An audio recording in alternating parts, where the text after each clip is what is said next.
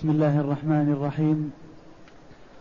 قال المؤلف رحمه الله تعالى النوع الثاني أن يشتريه بشرط أن يعتقه ففيه روايتان إحداهما الشرط فاسد لأنه ينافي مقتضى البيع فأشبه ما قبله والثانية يصح لأن عائشة اشترت بريرة لتعتقها فأجاز النبي فأجازها النبي صلى الله عليه وسلم. قول المؤلف رحمه الله تعالى النوع الثاني أن يشتريه بشرط أن يعتقه. هذا النوع من شروط البيع. وتقدم لنا شروط البيع على أربعة أضرب. أحدها ما هو من مقتضى البيع كأن يقول أبيعك على أن تسلم للثمن أو أبيعك على أني أتصرف بالقيمة أو على أنك تتصرف في المبيع. هذا سواء شرط أو لم يشرط لأنه مقتضى البيع. الثاني ما هو من مصلحة البيع. من مصلحة أحد البائعين. كشرط الخيار مثلا والأجل والرهن. يقول مثلا أبيعك على أن تسلمني المبلغ بعد عشرة أيام. مثلا فيه أجل وأجل محدد. أو مثلا يقول أبيعك على شرط أن ترهنني كذا تعطيني رهن. أو يقول المشتري أشتري على شرط أنني أدفع لك المبلغ مقسطا على عشرة أشهر أو نحو ذلك. شيء فيه مصلحة لأحد المتبايعين وهذا شرط صحيح ولازم لقوله صلى الله عليه وسلم المسلمون على شروطهم. الثاني شرط ينافي مقتضى العقد. يقول أبيعك على شرط الا تبيعه. ولا تتصرف فيه. فهذا شرط باطل. لأن مقتضى العقد يقتضي التصرف. فهو شرط شرطا ينافي مقتضى العقد. أو يقول أبيعك هذه الجارية على شرط ألا تعتقها. هذا ينافي مقتضى العقد. والمشتري حر التصرف في ماله. لقول النبي صلى الله عليه وسلم لما شرطوا أن الولاء لهم وليس من حقهم ذلك اشتريها فاعتقيها فإنما الولاء لمن أعتق. يعني لو اشترطوا أن الولاء لهم فلا يصح. ولا يصير لهم لأنك أنت المعتقة. وقال عليه الصلاة والسلام من اشترط شرطا ليس في كتاب الله فهو باطل وإن كان مائه شرط. وليس المراد بكتاب الله والله أعلم كما قال ابن القيم رحمه الله ما في القرآن وإنما هو ما في حكم الله سواء كان في القرآن أو في السنة. فهذا يعتبر حكم الله وكتاب الله. قلنا إن الشرط الثالث من شروط البيع نوعان. شرط يبطل الشرط ويصح العقد. النوع الثاني أن يشترطه يشتريه بشرط أن يعتقه. عكس الأول. النوع الأول يقول أبيع عليك على شرط أن لا تعتقه.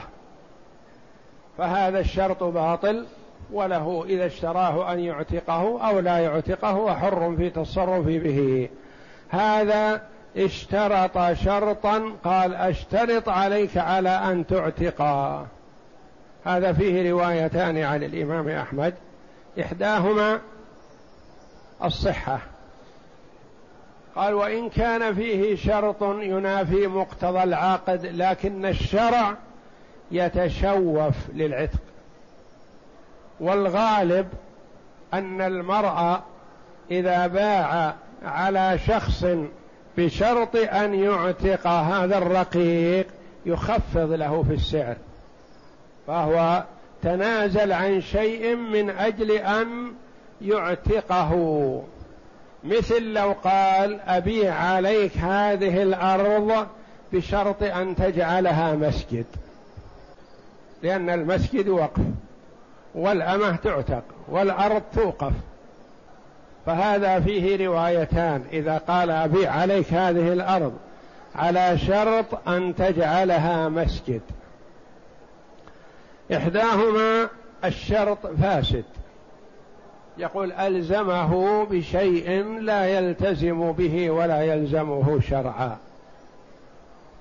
وإذا قال أبيع عليك على شرط أن تعتق أو أبيع عليك على شرط أن توقف كأنه اشترط شرطا ينافي مقتضى العقد يقول أبيع عليك على شرط أن تخرجه من ملكك. ما علاقتك أيها البائع بهذا؟ أخرجته أو أبقيته. ولا مصلحة لك في ذلك.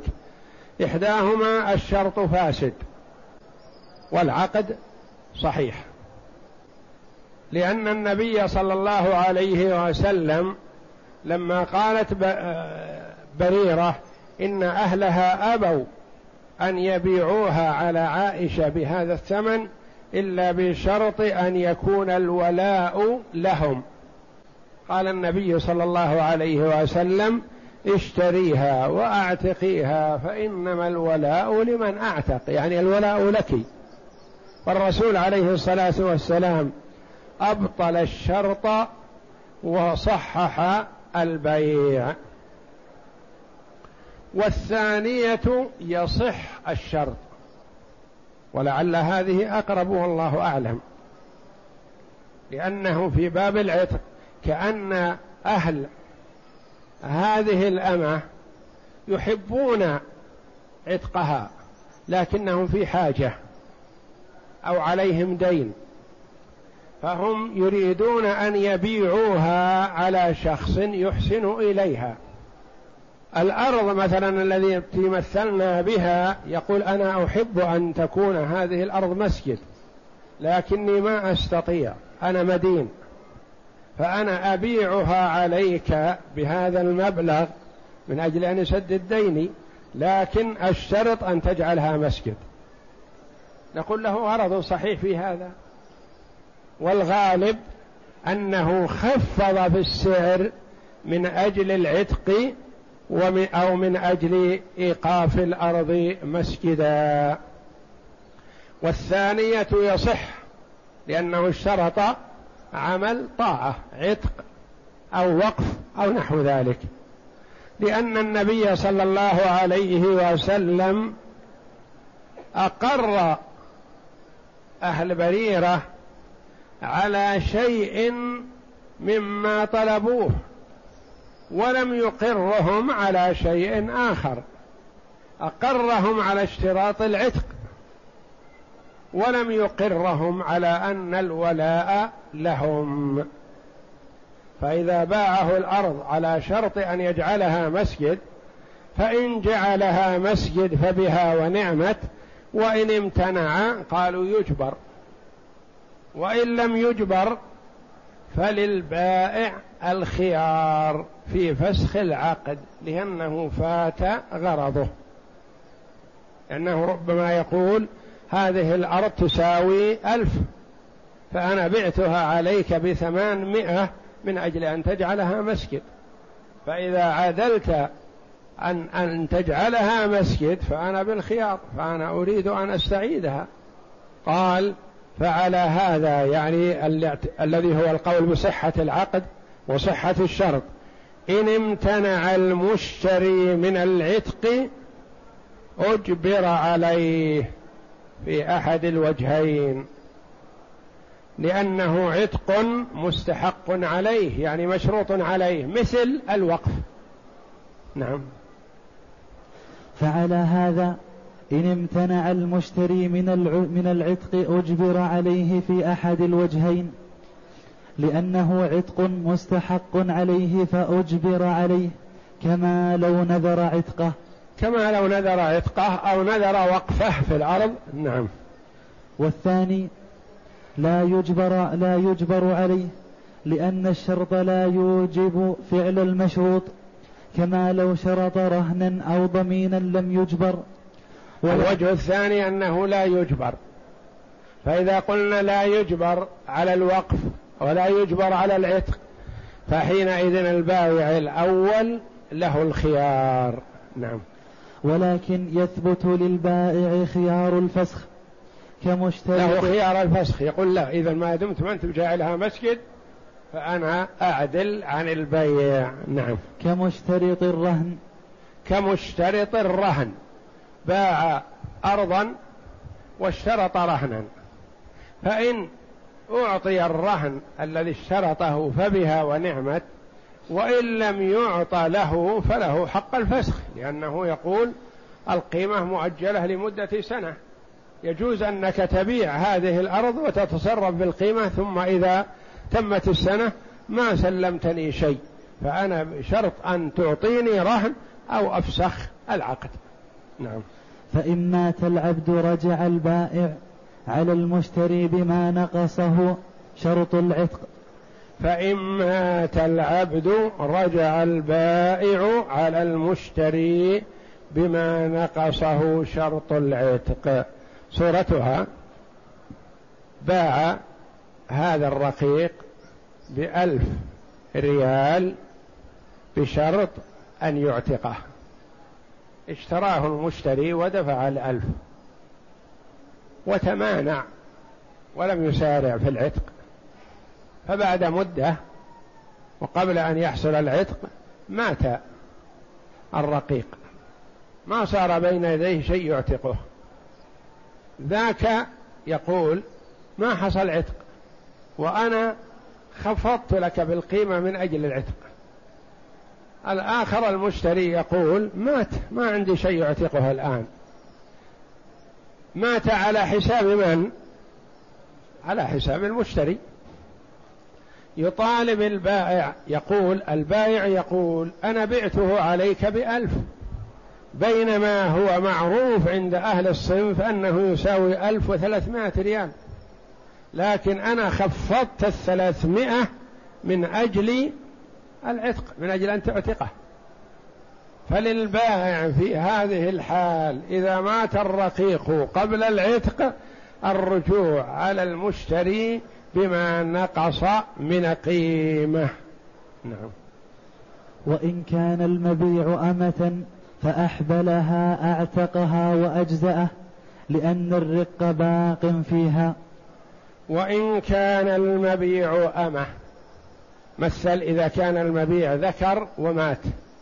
إذا كان الرقيق المبيع أمة فأحبلها المشتري وهو مشروط عليه العتق.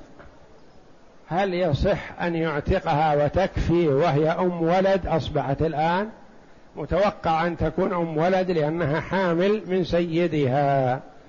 قالوا نعم يجزئ لأن العتق يحصل لها التحرر بينما أم الولد لا تتحرر إلا بموت سيدها ولا يدرى سيدها ربما يعمر سبعين ثمانين سنة زيادة على ما مضى. فيعتقها وإن كانت أم ولد وولدها حر.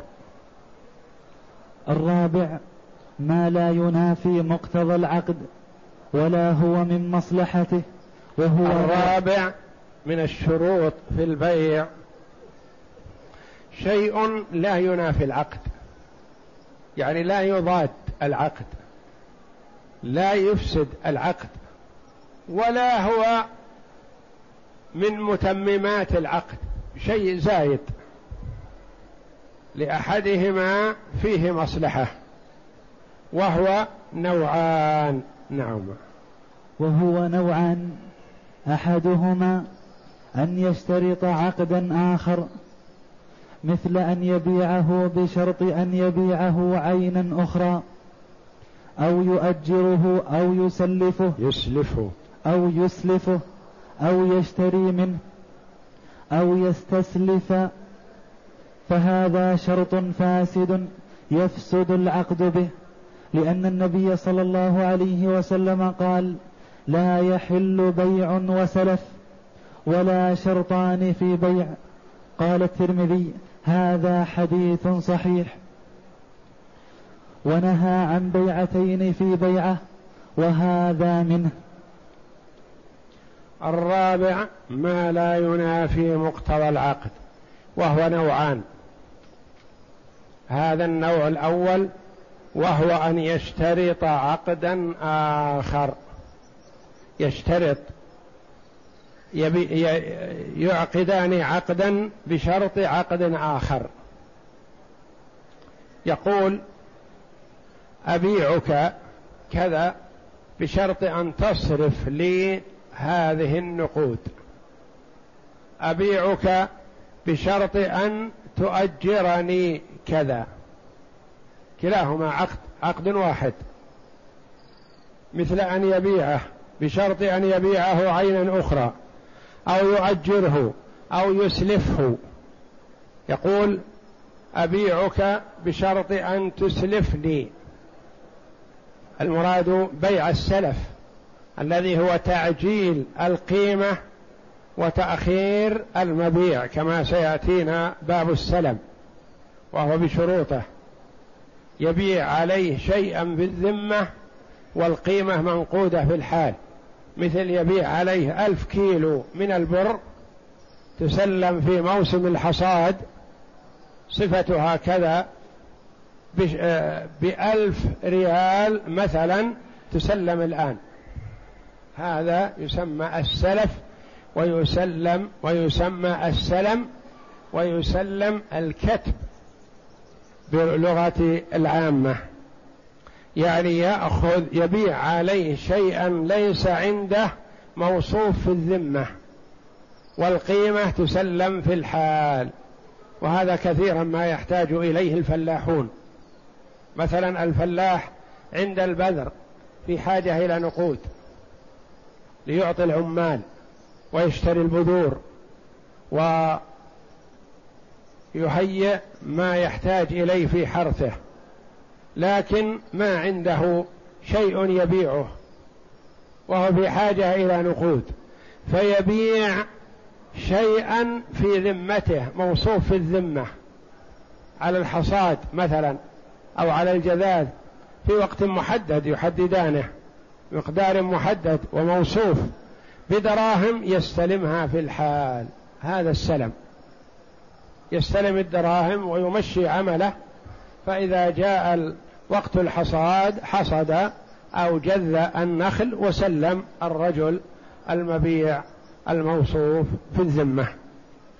أو يشتري منه أو يستسلف فهذا شرط فاسد يفسد به العقد لأن هذا يصدق عليه أنه بيعتان في بيعة ويترتب عليه غرر وربما كان وسيلة وحيلة إلى الربا.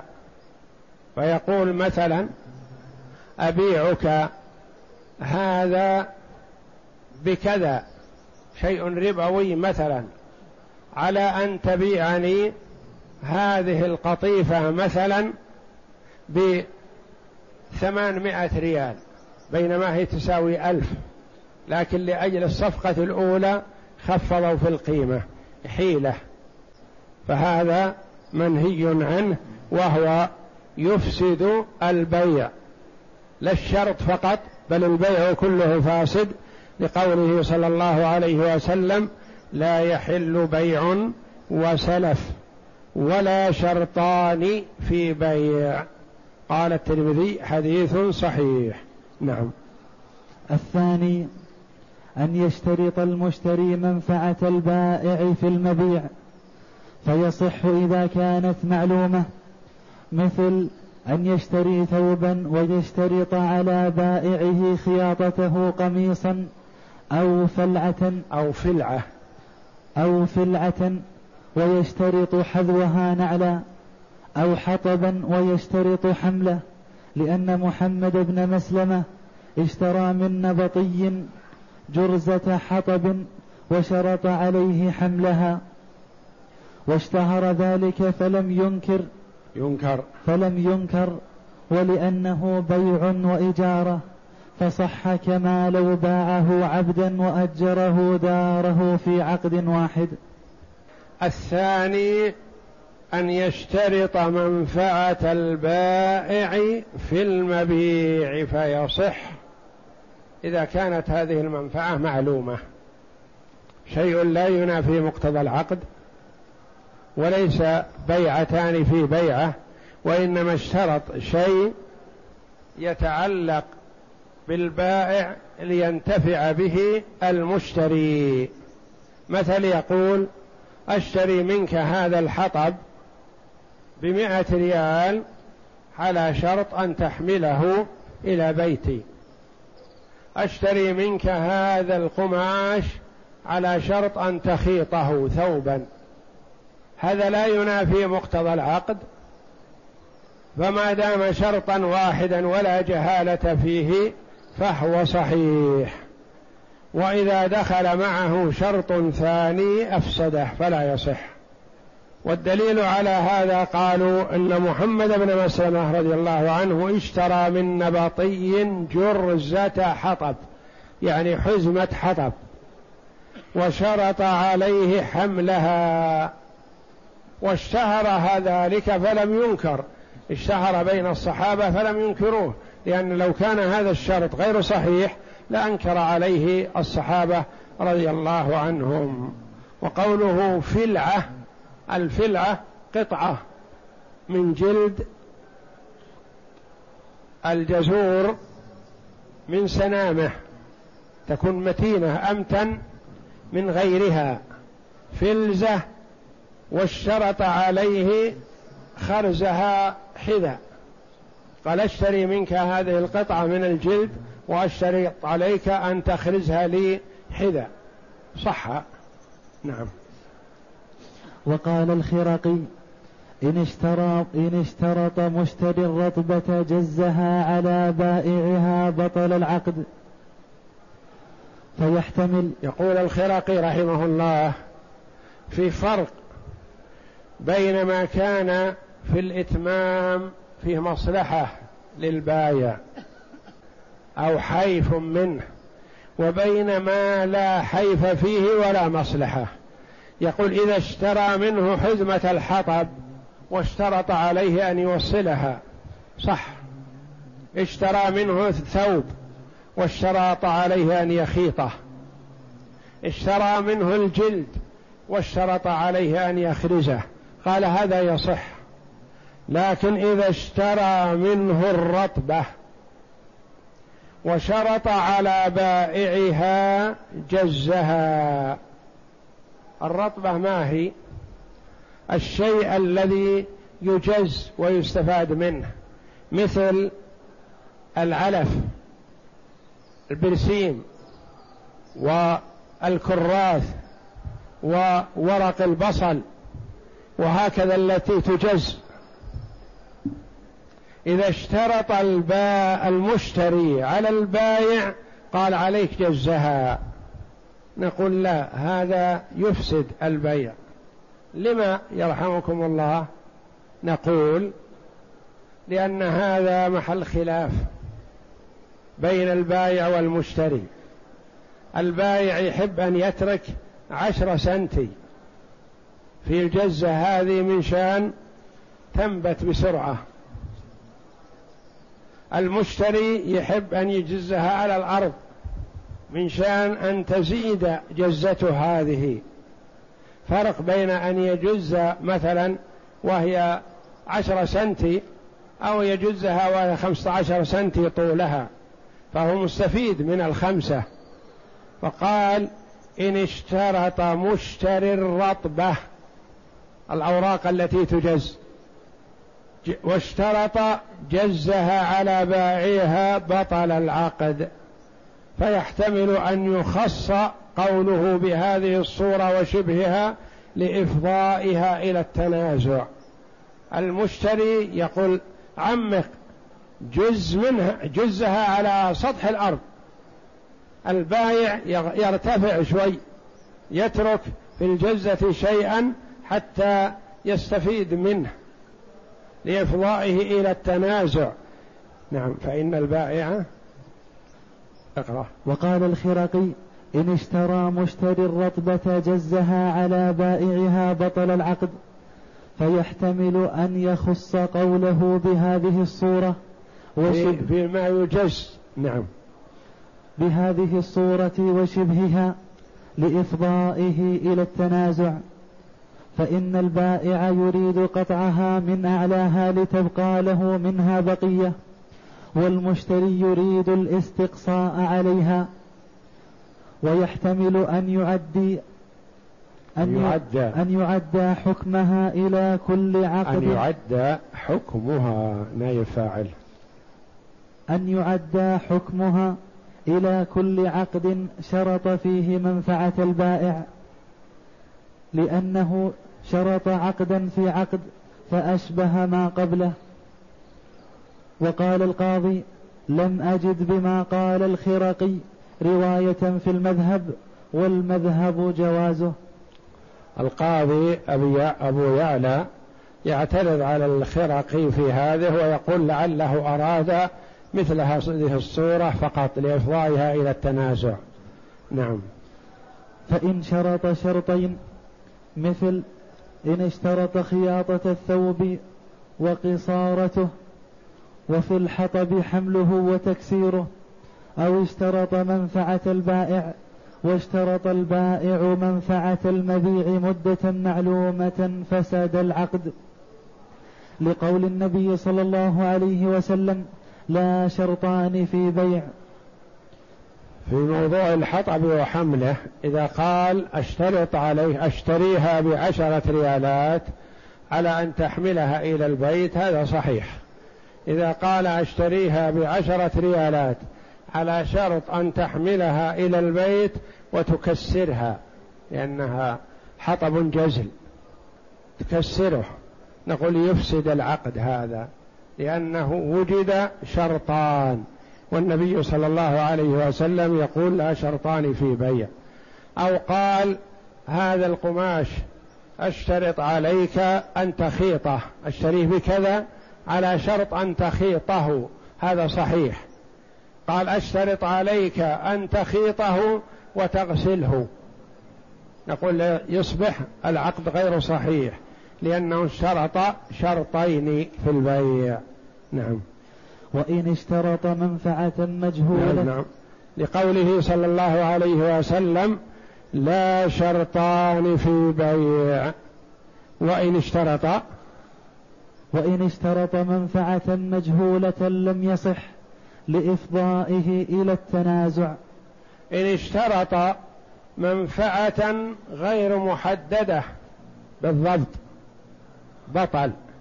كأن يقول مثلا البايع أبيع عليك هذا البعير أو هذه السيارة على شرط أن يبقى معي حتى أشتري بدله أو حتى أستغني عنه. هذا شرط مدته مجهولة فيبطل الشرط ويبطل البيع كذلك. والله أعلم. وصلى الله وسلم وبارك على عبده ورسول نبينا محمد وعلى آله وصحبه أجمعين.